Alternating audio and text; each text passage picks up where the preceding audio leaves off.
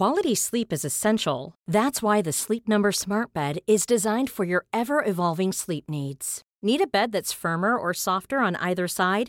Helps you sleep at a comfortable temperature? Sleep Number Smart Beds let you individualize your comfort so you sleep better together. JD Power ranks Sleep Number number 1 in customer satisfaction with mattresses purchased in-store. And now save 40% on the Sleep Number limited edition Smart Bed for a limited time.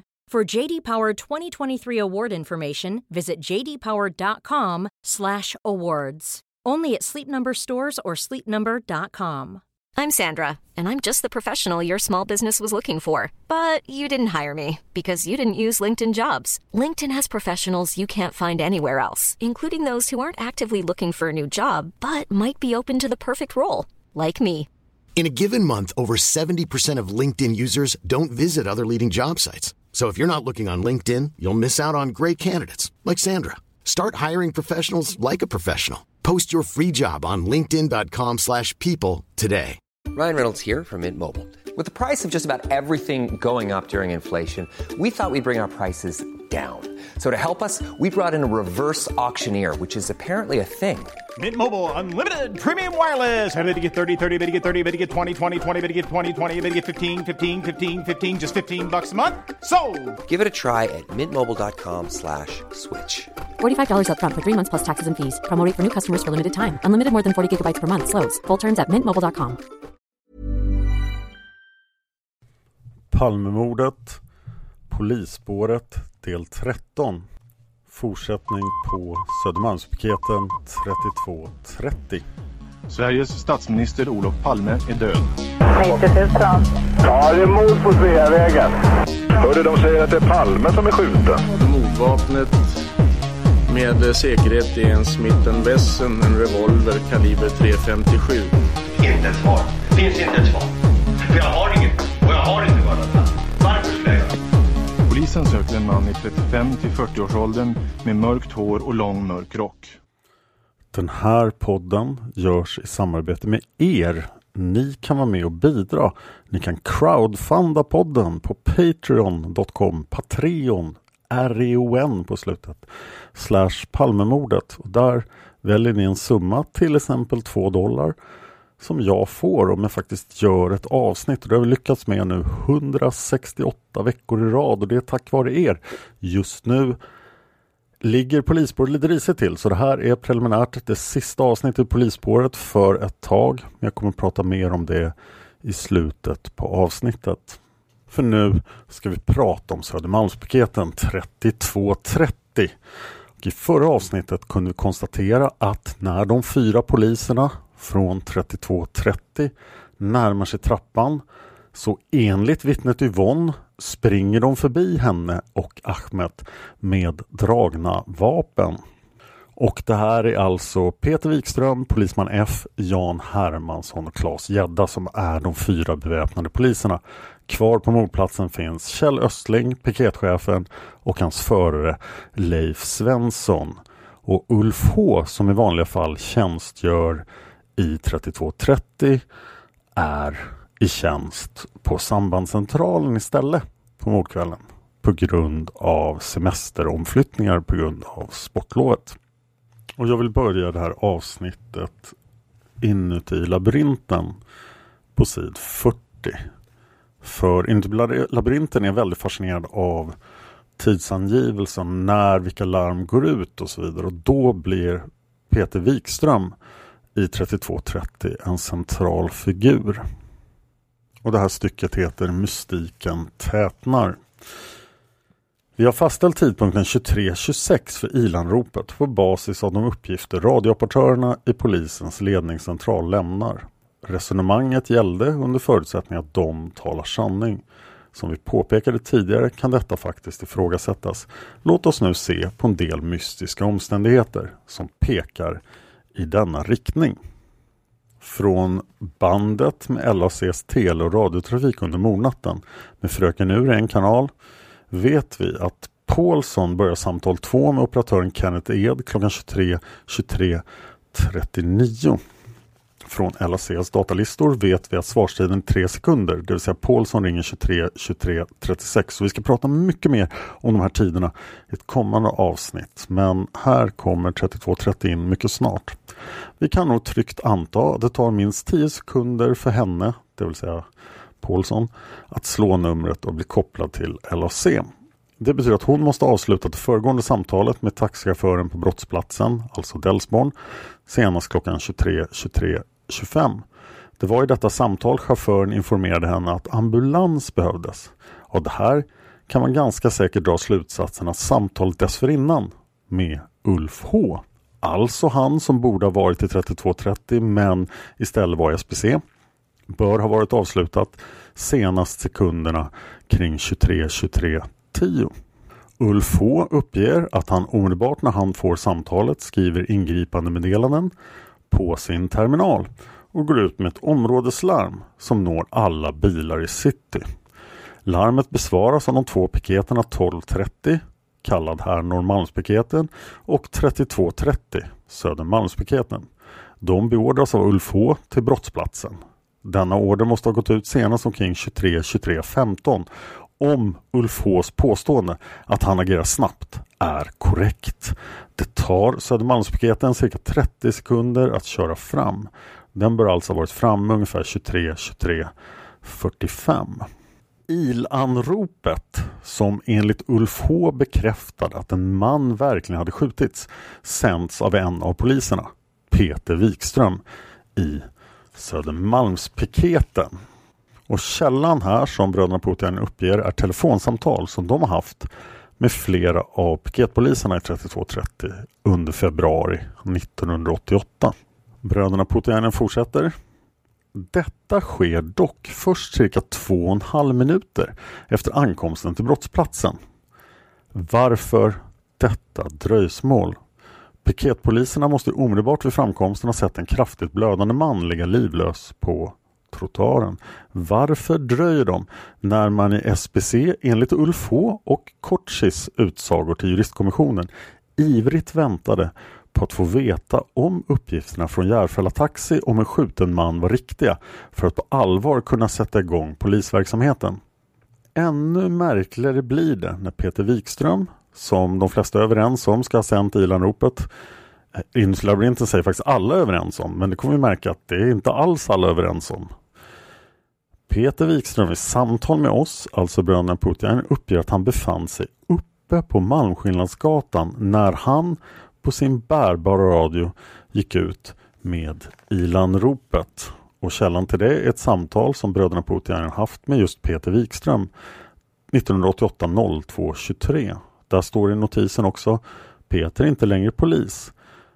Peter Wikström har inte hörts av juristkommissionen eller parlamentarikerkommissionen. Bröderna Putiainen fortsätter.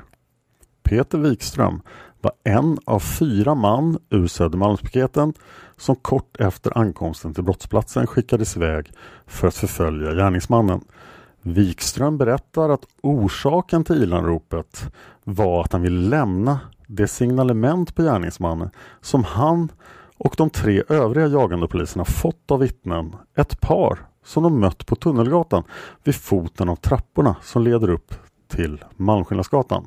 Med andra ord sänds ilanropet enligt Peter Wikström inte alls för att bekräfta för ett ivrigt väntande SPC att en man verkligen har skjutits, vilket ju är vad Ulf H, Anders Tornestedt och Hans Kortsi på SPC låtit påskina, utan istället för att lämna signalementsuppgifter. Faktumet att det hinner förflyta 2-3 minuter enligt bland annat Ulf H själv i juristkommissionens förhör från det att piketen ankommer till brottsplatsen till det ilanropet faktiskt sänds stöder Peter Wikströms version eftersom det är just så lång tid denne behöver för att nå trappornas krön. Annars blir denna tidsutdräkt en gåta. Varför vänta med att bekräfta att en man har blivit skjuten? Södermalmspiketens befälhavare Kjell Östling lämnar också uppgifter som stöder Peter Wikströms version.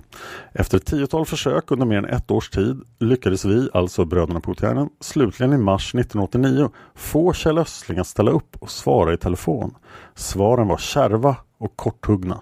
Han bekräftade att han var den i piketen som svarade på Ulf Hs områdeslarm och de befann sig vid Brunkebergs torg när han svarade.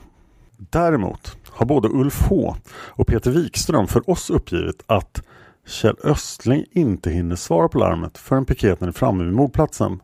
Medan föraren i piketen, Leif Svensson, delar Kjell Östlings uppfattning. Östling har ingen minnesbild och att någon i manskapet ska ha sänt en bekräftelse till SPC på att en man hade skjutits. Han räknade med att kommissarie Söderström, högsta yttre befäl denna natt, som kom till mordplatsen sekunderna före Söderpiketen, skulle sköta kontakten med sambandscentralen. Bröderna Putinainen frågar eh, Kjell Östling. Ulf H säger att han väntade på en bekräftelse att det var någon som var skjuten. Jag undrar om du kommer ihåg när ni kom till mordplatsen i vilket skede ni rapporterade tillbaka och gav den här bekräftelsen att det verkligen hade hänt någonting? Kjell Östling. Det vet jag inte ens om vi gjorde ärligt sagt. Bröderna Putiainen. Det kommer du inte ihåg? Kjell Östling. Nej, det är jag tveksam på om jag inte räknade med att kommissarien gjorde. Bröderna Putiainen fortsätter. Det finns heller ingenting som tyder på att Ulf H i sitt områdeslarm skulle ha poängterat att han var mån om att få en bekräftelse snabbt. Larmet löd nämligen citat. Det är en uppgift från taxi att det är någon som blivit skjuten vid Tunnelgatan Sveaväg. Bröderna Putiainen. Alltså, det fanns ingenting om att uppgiften var osäker eller man tvivlade i sambandscentralen och behövde få uppgiften bekräftad. Kjell Östling säger heller ingenting om att Ulf H någonsin under kommunikationen i samband med områdeslarmet skulle ha sagt att uppgiften om en skjuten man var osäker och att därför var behov av en bekräftelse. Det verkar alltså som om man i sambandscentralen trots försäkringar om motsatsen inte var sådär över hövan intresserad av en snabb bekräftelse om det nu var det man väntade på. Så Yvonne sa alltså att poliserna inte hade pratat med henne. Men den 23 februari 1988 pratade alltså bröderna Puutiainen med Peter Wikström. Och de har skrivit följande om den händelsen. Till skillnad från juristkommissionen har vi talat med den polisman som säger sig ha gått ut med ilanropet. Han heter Peter Wikström och han ingick i besättningen i piket 3230 som jämte Gösta Söderström var första poliser på mordplatsen. Peter Wikström var en av de fyra poliserna från Södermalmspiketen som kort efter ankomsten skickades iväg för att förfölja gärningsmannen. När de kom fram till trapporna som leder upp till Malmskillnadsgatan stötte de på två vittnen som just kommit ner för trapporna, alltså Yvonne och Ahmed. Paret hade sett gärningsmannen springande fly österut längs David Bagares gata. Enligt Peter Wikström gjorde poliserna ett 10 15 sekunder långt uppehåll och frågade paret om signalementsuppgifter på förövaren. De sprang därefter upp för trapporna och uppe på Malmskillnadsgatan skickade Peter Wikström ett ilanrop till ledningscentralen på sin bärbara radioutrustning. Avsikten med ilanropet var, enligt Peter Wikström, att meddela ledningscentralen de signalementsuppgifter som han och de övriga poliserna hade fått av paret. Bröderna Putiainen berättar vi har haft tillfälle att prata med Peter Wikström några gånger därför att han vid vårt första och enda möte i februari 1988 uttryckte en önskan att låna en del böcker av oss. Han sa att han i sitt nya arbete, han slutade vid polisen sommaren 1987, kommit att intressera sig för terroristbekämpning men hade haft svårt att hitta viss litteratur. I vår ägo hade vi en del tidskrifter som han tyckte var intressanta. Vi kom att ringa honom ett par gånger för att påminna om de böcker han hade lånat av oss och vid ett av dessa samtal utspelade sig följande konversation. Så någon av bröderna Puutiainen jag tänkte att när ni kommit på David Bagares gata ska han ha varit i stort varit ensam privat, alltså civilperson, förutom de, ni poliser som har kommit upp då. Så att när ni kommit upp för trapporna där så har du ingen minne av att du skulle ha sett någon, i varje fall mer på David Bagares. Peter Wikström avbryter. Vi har träffat ett par i trappan och vi träffar några enstaka människor på vägen upp där. Och sen så träffar vi några stycken borta vid kyrkogården. Och sen har de andra killarna träffat några på bakgatan också va? Enstaka flanörer. Putiainen. Eh, just det, du sa tidigare att du skickade iväg det här ilanropet just när du hade om signalementet som ni hade fått från det här paret. Peter Wikström, ja. Putiainen. det skickade du iväg precis när du kom upp. Kommer du ihåg om ni skickade något annat anrop för det? Peter Wikström, ingenting från gruppen. Putiainen, ingenting från gruppen alltså. Peter Wikström, nej. Putiainen, innan när ni kommer till fram till själva brottsplatsen. Peter Wikström, nej det rör sig om kanske 30-40 sekunder efter det att vi har landat på platsen. Putiainen, ja det tar väl lite längre tid för er att komma ända upp till Malmskillnadsgatan. Peter Wikström, nej det språngmarsch upp, max en minut, mer kan det inte röra sig om. Putiainen, ja just det, men jag stannar till lite också en kort stund. Peter Wikström avbryter. Ja, ja vad, va vi gjorde när vi landade på platsen och kunde konstatera att någon hade blivit skjuten ju. Och dessutom var det första jag fick tag på ett virrigt fruntimmer. Och det visade sig vara hans fru. Och det kan alltså inte att få någonting ur henne va. Och då fanns det liksom ingen idé att tackla, eh, trockla henne mer. Hon var i chocktillstånd. Det gick alltså inte att prata med henne utan jag släppte henne, sprang vidare hopp om jag fick fram att om man hade stuckit in den vägen och sen då så förhoppningsvis skulle jag kunna finnan och vittnen som varit så nära själva brottsplatsen som inte var i samma chocktillstånd och kunde ge ett bättre signalement. Och då mötte vi det här paret vid trapporna och de gav ett något bättre signalement. Och direkt efter det så gick ilanropet in. Putiainen, jaha just det, det var väl bara de sakerna jag ville kontrollera. Anledningen till att jag frågar att jag är lite tveksam på om det där paret, hur tidsschemat är här egentligen. Om det där paret, om det kan vara mördaren de har sett eller om jag tror att det finns en viss osäkerhet även hos den ansvariga utredningen kan man säga om det där. Att man inte kan vara exakt. Peter Wikström avbryter. Tror inte jag i och för sig. För att paret kom var så att säga hade gått trapporna ner och de ska ha mött honom precis uppe i korsningen med Malmskillnadsgatan där uppe. Döbensgatan och tänker man på tidsrymden igen man går ner för trapporna så kan det mycket väl stämma med den tid som vi varit inne på. Putin, mm, har du något intryck av, för att det var en kvinna och en man, att mannen var berusad? Peter Wikström, nej det var han inte. Putin, nej. Peter Wikström, inte berusad i den som du uppfattar åtminstone. Salongsberusad, det är ju var och en. Peter Wikströms uppgifter bekräftas i allt väsentligt av två av de tre poliserna som sprang med honom. Källan till det är telefonsamtal med polisman F och Claes Gedda i februari 88 och tidningen Arbetet 28 februari 1988. Den tredje polisen vill inte uttala sig utan tillstånd från spaningsledningen. Det var alltså Jan Hermansson. Han sökte tillstånd hos spaningsledningen att uttala sig men sen sa han att han hade fått nej. Också Ulf H bekräftar att det var Peter Wikström som sände ilanropet och att det sändes med bärbar radioutrustning under språngmarschen med gärningsmannen. Efter gärningsmannen. Men han säger ingenting om att det skulle handlat om ett signalement. I hans version var det fråga om den bekräftelse på att man en man verkligen var skjuten som man ansåg sig behöva för att kunna starta polisverksamheten på allvar. Inuti labyrinten sammanfattar också på sidan 150. Vi har redan tidigare, i tidigare kapitel ifrågasatt Ilanropet. Här framstår än tydligare att det handlar om en bluff. Peter Wikström, den polisman i piket 3230 som, som ska ha sänt Ilanropet, påstår att han sände det för att lämna signalementsuppgifter till SPC. Signalementsuppgifterna säger Peter Wikström att han fick av ett par strax nedanför trapporna. Kvinnan i paret, mannen var så kraftigt berusad att han inte kan lämna några säkra uppgifter, säger dock med bestämdhet att hon inte talade med poliserna som sprang förbi.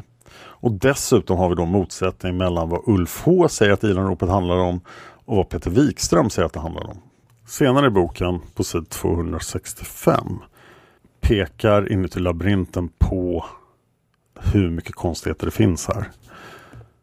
Så de ställer en fråga. Och här är svaren som kommer då från olika poliser. Så frågan är, vem sände det första radioanropet till sambandscentralen om att gärningsmannen hade avvikit från brottsplatsen? Det vill säga, vem sände en bekräftelse på att en man var skjuten som Ulf H påstår att man väntade på i sambandscentralen? Olika svar då. Gösta Söderström säger Jag anropar ledningscentralen inom en minut efter min ankomst till brottsplatsen och meddelar att gärningsmannen har avvikit. Om man ska tro de officiella tidsuppgifterna gör Gösta Söderström det i så fall klockan 23.24 och då är han först.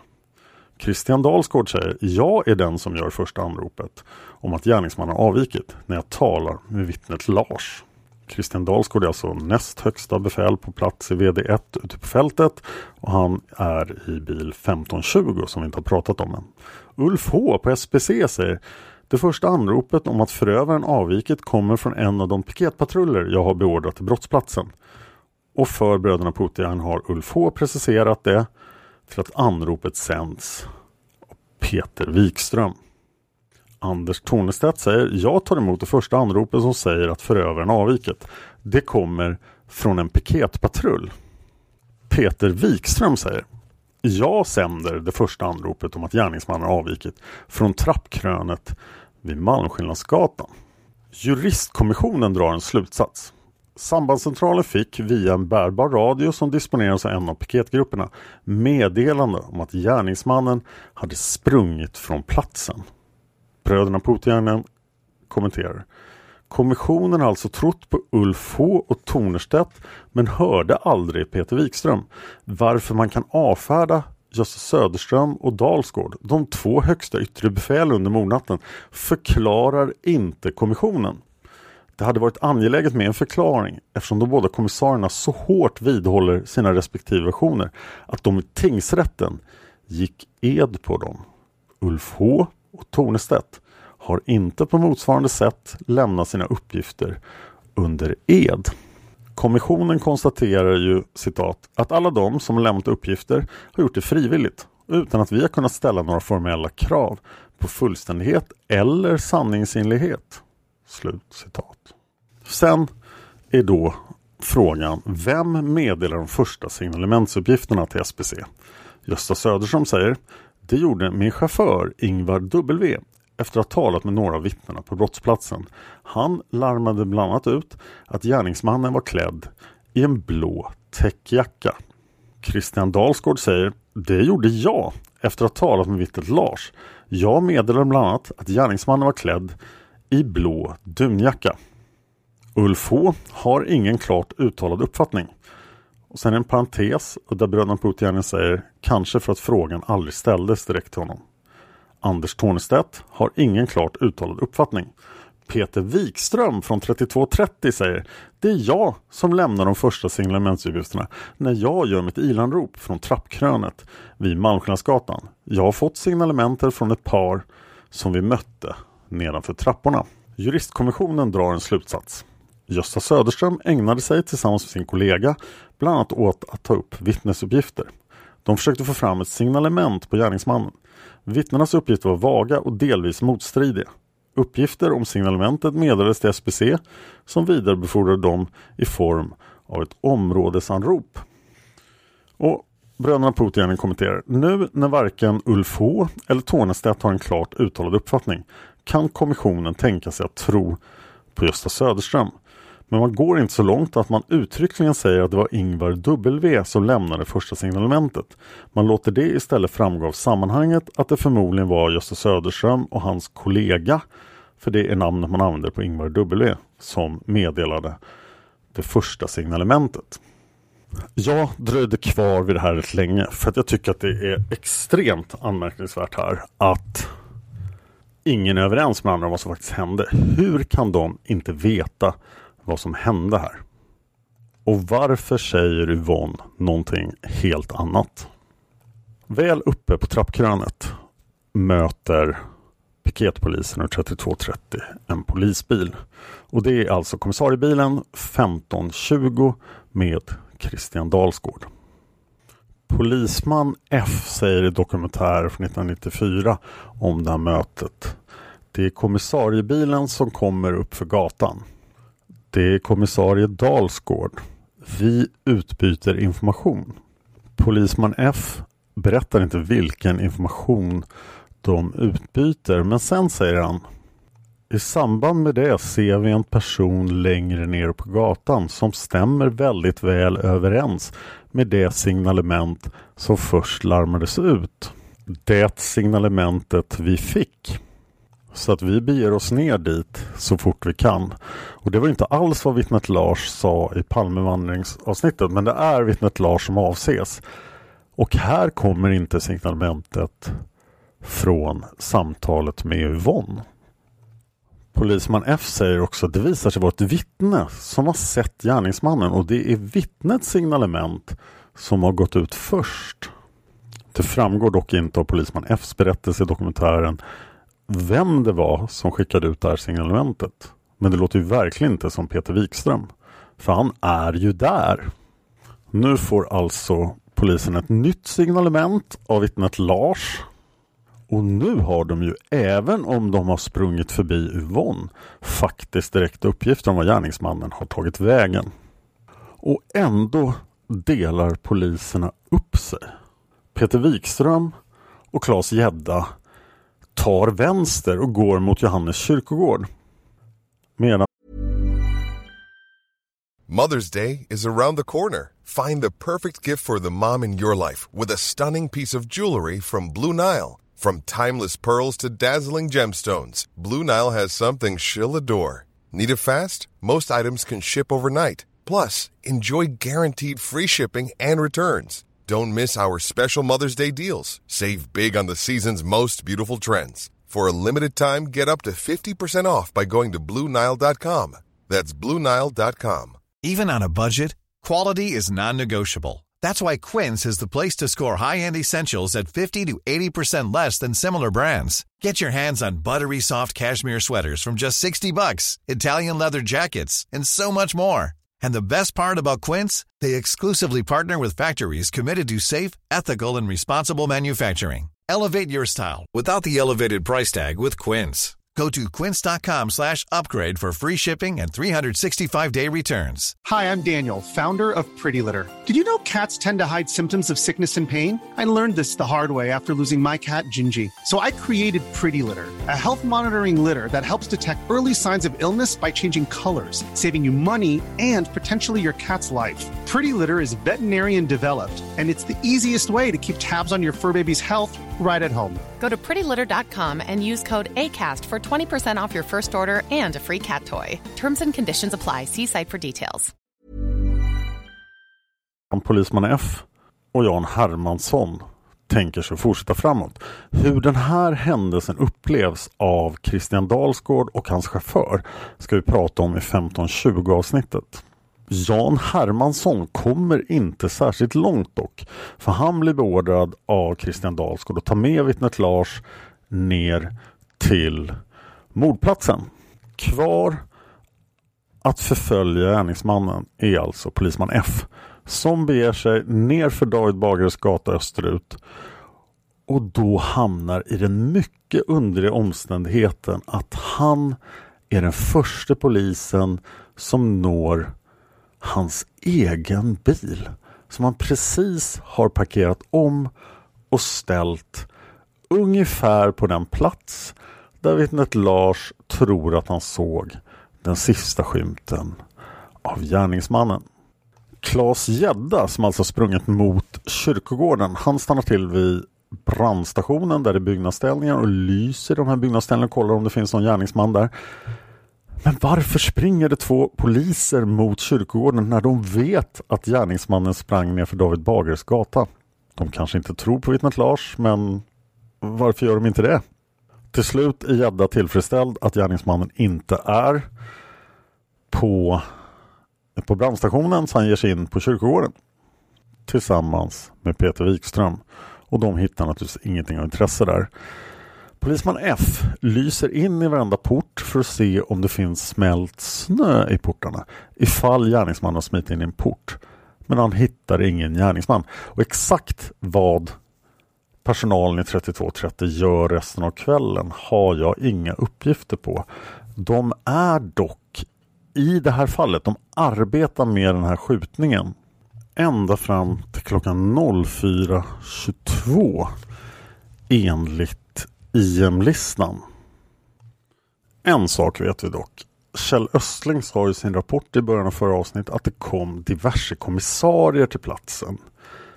Och det leder till en lite intressant händelse som verkar ha hänt ungefär 23.50 på mordplatsen. Lars Kristiansson sa i avsnittet Lisbeth del 1 att han anlände till Sabbatsberg 23.40 men det finns en bild från 23.50 där just Kjell Östling och Lars Kristiansson, det vill säga Kjell Östlings chef. Lars Kristiansson var ju chef för piketerna och Kjell Östling var 3230 chef. Men de två ses samtala på den här bilden. Inuti labyrinten beskrivs sid 411.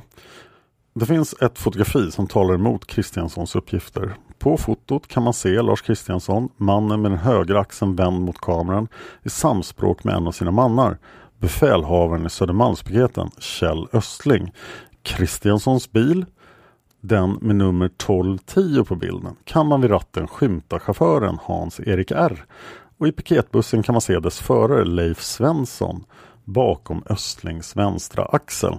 Bilden är tagen på mordplatsen i riktning ut mot Sveavägen av frilansfotografen Vojta Klecka. Bröderna Putin har talat med honom. De säger vi kom i kontakt med honom via Svenska Dagbladet som använt många av hans bilder i sina artiklar om mordet. Klecka uppgav att han kom relativt sent till Sveavägen, delvis därför att den person som hade tipsat honom inte hade känt till att det var statsministern som hade skjutits. Klecka fick för sig att det var något bråk på restaurang Monte Carlo som ligger i korsningen Sveavägen-Kungsgatan. Att Klecka varit senare ute än många andra fotografer bekräftas av den så kallade kontaktkarta med alla bilder han har tagit på platsen som vi köpte av honom. Varken kommissarie Söderström eller något av de vittnen som såg mordet förekommer på Kläckas bilder. Och det gör de på många andra fotografers. Det betyder att Gösta Söderström och vittnena redan hade hunnit lämna Sveavägen Tunnelgatan när Kläcka anländer. Men Lars Kristiansson, han finns kvar. Att han var siste kommissarie på brottsplatsen skriver han ingenting om i sin PM eller berättar för juristkommissionen. Han säger heller ingenting om att han skulle ha talat med piketbefälet Kjell Östling. Det är också fullkomligt obekant för Gösta Söderström, som var högsta befäl med utomhustjänst denna natt, att Lars Kristiansson skulle ha varit kvar på mordplatsen efter honom. Vad hände då med polisman Fs bil? Jo, den stod kvar där parkerad på David Bagares gata men där pågick ju fasadarbeten. Och Eh, den var i vägen så den fraktades oväntat bort medan polisman F var på kurs. Han blev väldigt överraskad och fick hämta ut sin bil så han flyttade bilen helt i onödan. Han fick ändå parkeringsböter. Vi har kommit över en bild på David Bagares gata från en av de första dagarna i mars när en tidning försöker återskapa flyktvägen. Och på den här bilden kan man inte riktigt se polisman Fs bil. Vilket har förbryllat oss väldigt. Jag ska se om jag kan lägga upp den bilden på Facebook så kan ni själva försöka hitta polisman Fs bil på den bilden. Men händelserna med 3230 skulle inte vara komplett om vi inte använder annan källa också. Så därför tänkte jag läsa lite från vitboken. Kjell Östling, 36 år, är befäl i polispiket 3230. Vid tiden för mordet på Olof Palme befinner sig polispiket piket 3230 enligt Östling på Malmskillnadsgatan och i närheten av trapporna till Tunnelgatan, bara några hundra meter från mordplatsen. Anledningen till att piketen befinner sig just där är att en av poliserna i besättningen, polisman F, ska flytta sin bil som är felparkerad. Polisman F bor på Regeringsgatan alldeles i hörnet till David Bagares gata och porten bredvid brödbutiken. Där vittnet Christian såg två walkie-talkie-män strax före mordet. När områdeslarmet går befinner sig polispiket 3230 på Kungsgatan säger vitboken, men det stämmer inte med någonting annat. Och i närheten av Sveavägen. Man slår omedelbart på blåljusen och anländer till mordplatsen bara halvminuten efter kommissarie Söderström och hans kollega Ingvar W.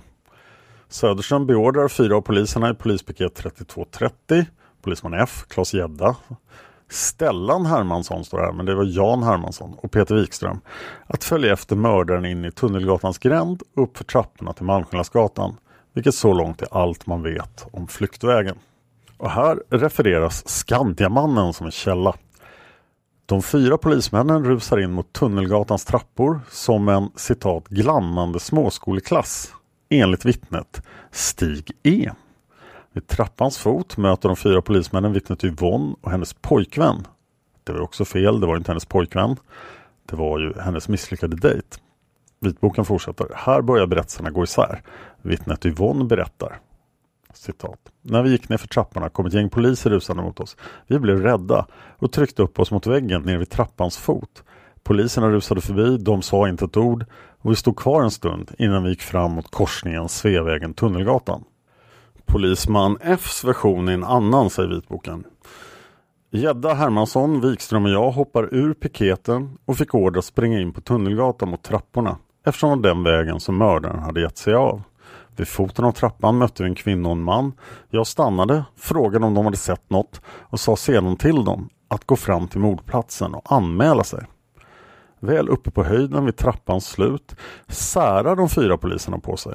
Gedda och Wikström rusar in på Johannes kyrkogård medan polisman F och Hermansson möter polisbil 1520 med Dalsgård och E längst upp på David Bagares gata.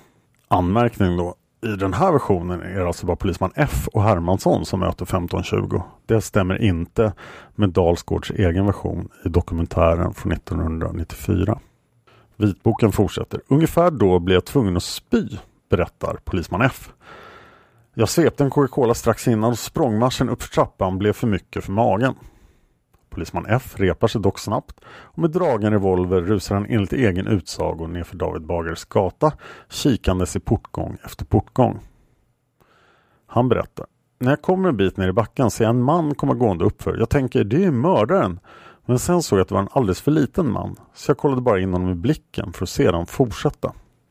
Nu är alltså plötsligt polisman F framför 1520 och är den första som möter vittnet Lars.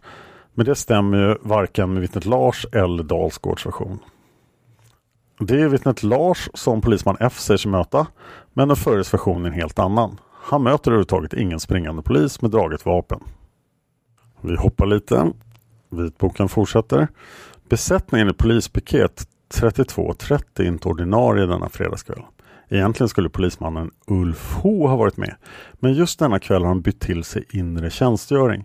Som av en händelse är det just Ulf H som utlöser områdesanropet efter skottlossningen i hörnet Sveavägen Tunnelgatan. Frågan är när det skedde. Var det klockan 23.23 .23 som spaningsledningen hävdar eller klockan 23.29 som kommissarie Söderström säger? Och om kommissarie Söderström har rätt, vilket det mesta pekar på, tycker vitboken, det kan jag inte hålla med om. Det mesta pekar på att 2323 är mer korrekt enligt de flesta bedömare. Vitboken fortsätter. Har i så fall Ulf H någon roll i fördröjningen? Har han medvetet vilat på hanan? Är det en tillfällighet att just polispiket 3230 befinner sig bara hundratalet meter från mordplatsen i det ögonblicket som kulorna slår in i Olof Palmes rygg? Just polispiket 3230 där åtminstone två av besättningsmedlemmarna Befälet Kjell Östling och polisman F är delägare i firmor i säkerhetsbranschen tillsammans med före detta medlemmar i baseballligan. Är det en tillfällighet är det också polispiket 3230 ett cover-up-uppdrag. Ingick någon i besättningen i den högerextremistiska mordkomplotten? Det här med firmor i säkerhetsbranschen tillsammans med före detta medlemmar i baseballligan vill jag veta mer om. Även uppgifterna att polisman F har arbetat för polisman A har jag inte fått bekräftat för mig. Om ni kan bekräfta dem för mig så gör det.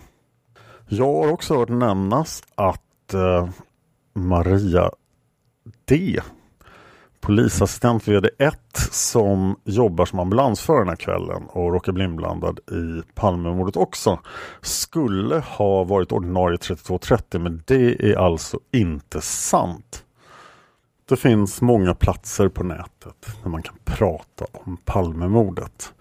Först måste jag nämna att om du vet någonting som faktiskt kan lösa Palmemordet, om du har någon uppgift som är viktig för utredningen, då ska du i första hand tala med Palmutredningen. Du ska inte tala med den här podcasten, för vi försöker inte utreda mordet. Vi har inte resurserna att följa upp ledtrådar, intervjua vittnen och så vidare. Utan det ska göras av Palmeutredningen. Om du inte litar på Palmeutredningen så tala med någon journalist du har förtroende för. Och våra rekommendationer är Gunnar Wall, Lars Borgnäs liknande. I vilket fall, om man vill prata om Palmemordet på nätet så finns det två Facebookgrupper, Studio Palmemordet och Palmerummet. Man kan också använda Flashback och det gör jag ibland. Det finns väldigt mycket kloka människor på de här i de här Facebookgrupperna och på Flashback. Det finns också människor som kanske inte är helt objektiva.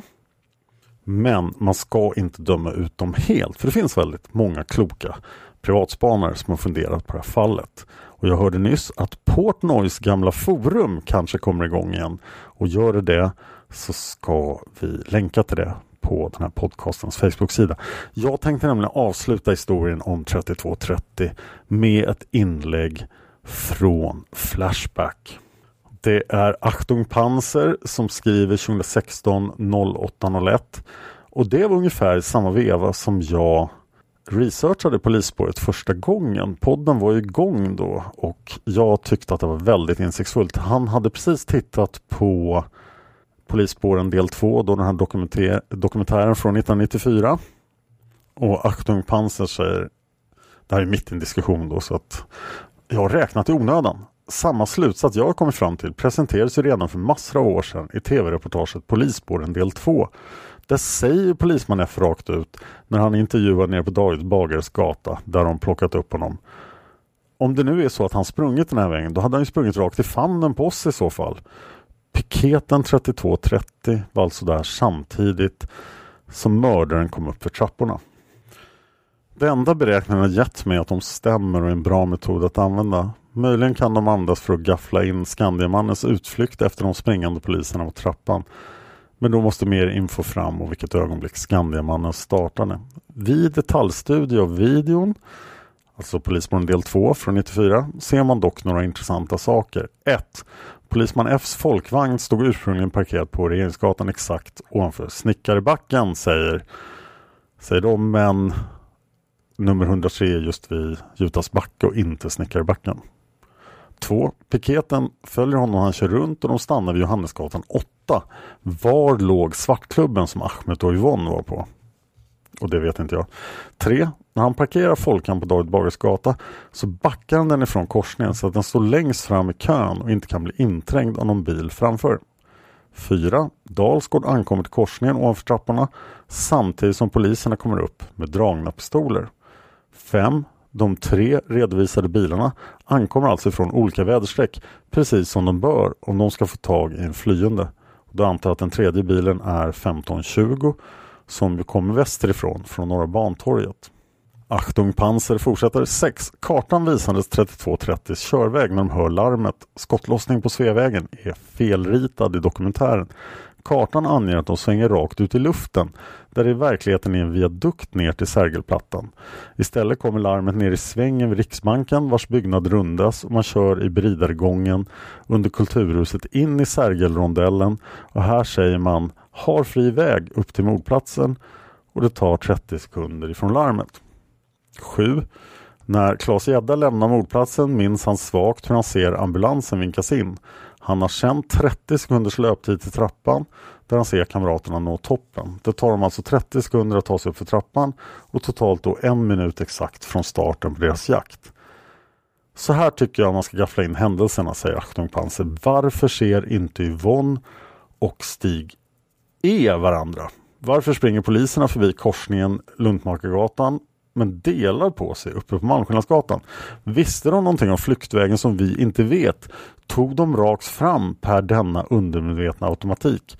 Jag tror fortfarande 3230 förde ut skytten ur den heta zonen eller åtminstone mordvapnet.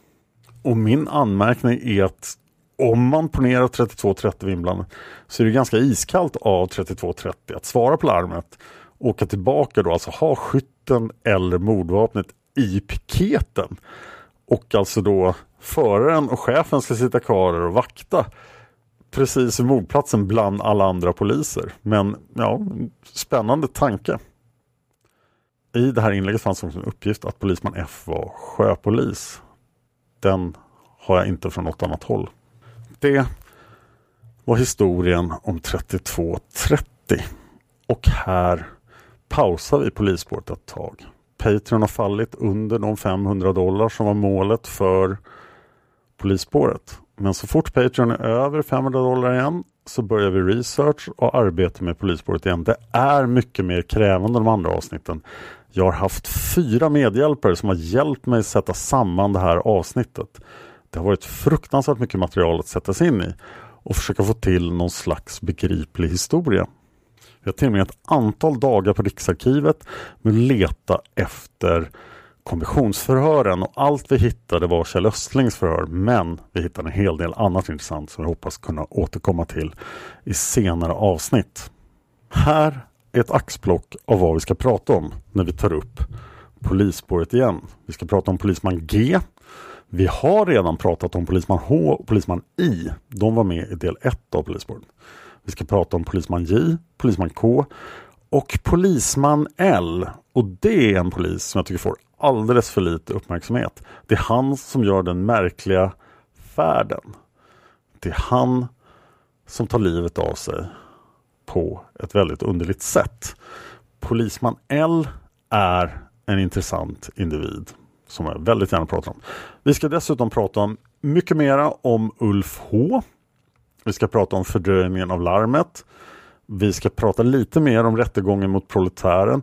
Vi ska prata om 1520, alltså Christian Dalsgårds kommissariebil och hans väldigt eh, uppmärksammade beslut att komma där på David Bagares gata och hur det egentligen gick till. Vi ska prata om piketchef Christer Persson och hans piket 1230, det vill säga Norrmalmspiketen. Vi ska prata om polisens uppgifter i krig. Vi ska prata om utredningen de första dagarna. Vi ska prata om Norrköpingsmötet. Vi ska prata om Södermötet. Vi ska prata om poliser som åker till Sydafrika. Vi ska prata om tidsanalysen. När går egentligen larmen ut? Vad är det som händer på SBC? Jag har också fått hjälp av Gösta Söderströms son Henry Söderström att sätta ihop ett Gösta Söderström avsnitt. Så vi ska ägna ett helt avsnitt åt Gösta Söderström. Ni kan höra det högsta befälet i yttre tjänst på mordkvällen i David Lynings intervjuavsnittet. För David hade turen att få prata med Gösta Söderström innan hans död. Vi ska prata om ambulanserna och vad de egentligen gör. Varför är det två ambulanser och vilka är i de ambulanserna? Och jag har ett dokument som vi hittade på Riksarkivet om just ambulanserna som inte många har läst.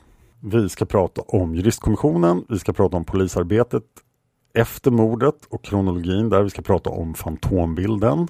Och det finns säkert ännu mer saker vi ska prata om. Vi har nu tagit upp många av de viktiga punkterna i polisspåret, speciellt de åtta avsnitten om polisman A, glöm inte dem, och Stockholms försvarsskytteförening. Men det finns mer att prata om. Jag tror att om man räknar in de åtta avsnitten, introduktionen och de två avsnitten om försvarsskytteföreningen så är vi ungefär två tredjedelar av vägen in i polisspåret nu. Och jag skulle hemskt gärna avsluta det. Men för att det ska hända så måste vi komma upp till 500 dollar på Patreon igen. Så jag behöver ert stöd.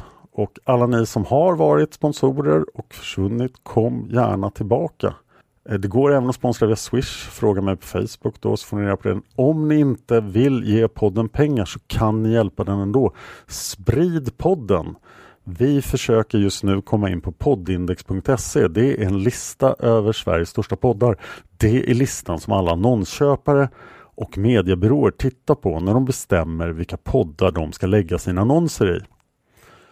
Eh, och det kan hjälpa Nent, det vill säga ilikeradio.se där podden nu ligger, att sälja på podden. Så det skulle vara jättebra. Vi är bara 2000 lyssnare ifrån att komma in på den listan. Min andra podd, Seriemördarpodden, har över fyra gånger mer lyssnare än vad den här podden har. Och den finns där på listan. Så om ni kan Så om ni har möjlighet, hjälp mig och Tobias att fortsätta göra den här podden. Vi har minst 300 avsnitt som vi kan göra sammanlagt. Det här var nu avsnitt 168. Jag kommer lämna över ordet till Tobias här i några avsnitt. Vi ska försöka knyta ihop Viktor Gunnarsson-säcken och sen måste välja ett nytt huvudspår i sommar. Men podden fortsätter komma ut som planerat. Podden finns inte längre på Youtube. Eh, en av anledningarna till det var Youtubes eh, ganska ruttna policy vad gällde annonsintäkter och hur de behandlar små kanaler. Men ett annat skäl var att vi ville ha så många lyssnare som möjligt på poddindex.se så att vi kan nå annonsörer och mediebyråer. Ni kan också gå in på Facebook och gilla Palmemordet. Jag finns på både Twitter och Instagram. Jag är nog den enda på båda som heter Dan Hörning. Vi vill fortfarande ha iTunes-recensioner av Palmemordet. Det hjälper podden att synas. Om ni lyssnar på någon annan plattform så kan ni också lämna recensioner. Men jag kan bara se de som läggs på iTunes och de kommer jag läsa upp i podden. Och stort tack till alla som är med och sponsrar på Patreon som har gjort det möjligt för den här podden att finnas i 168 veckor. Tack så jättemycket för det. Och tack till just dig för att du lyssnar på Palmemordet. Man hittar Palmes mördare om man följer PKK-spåret till botten. Därför att ända sedan Julius Caesars tid har det aldrig hört talas om ett mord på en framstående politiker som inte haft politiska skäl. Polisens och åklagarens teori var att han ensam hade skjutit Olof Palme. Och det ledde också till rättegång.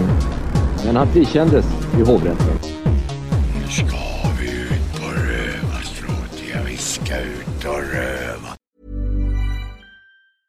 Want flexibility? Take yoga. Want flexibility with your health insurance? Check out United Healthcare Insurance Plans. Underwritten by Golden Rule Insurance Company, they offer flexible, budget friendly medical, dental, and vision coverage that may be right for you. More at uh1.com.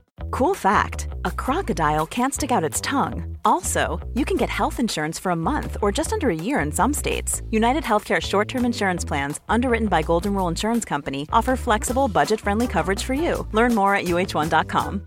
Hey, it's Paige DeSorbo from Giggly Squad. High quality fashion without the price tag? Say hello to Quince. I'm snagging high end essentials like cozy cashmere sweaters, sleek leather jackets, fine jewelry, and so much more. With Quince being 50 to 80% less than similar brands. And they partner with factories that prioritize safe, ethical, and responsible manufacturing. I love that. Luxury quality within reach. Go to quince.com slash style to get free shipping and 365 day returns on your next order. Quince.com slash style.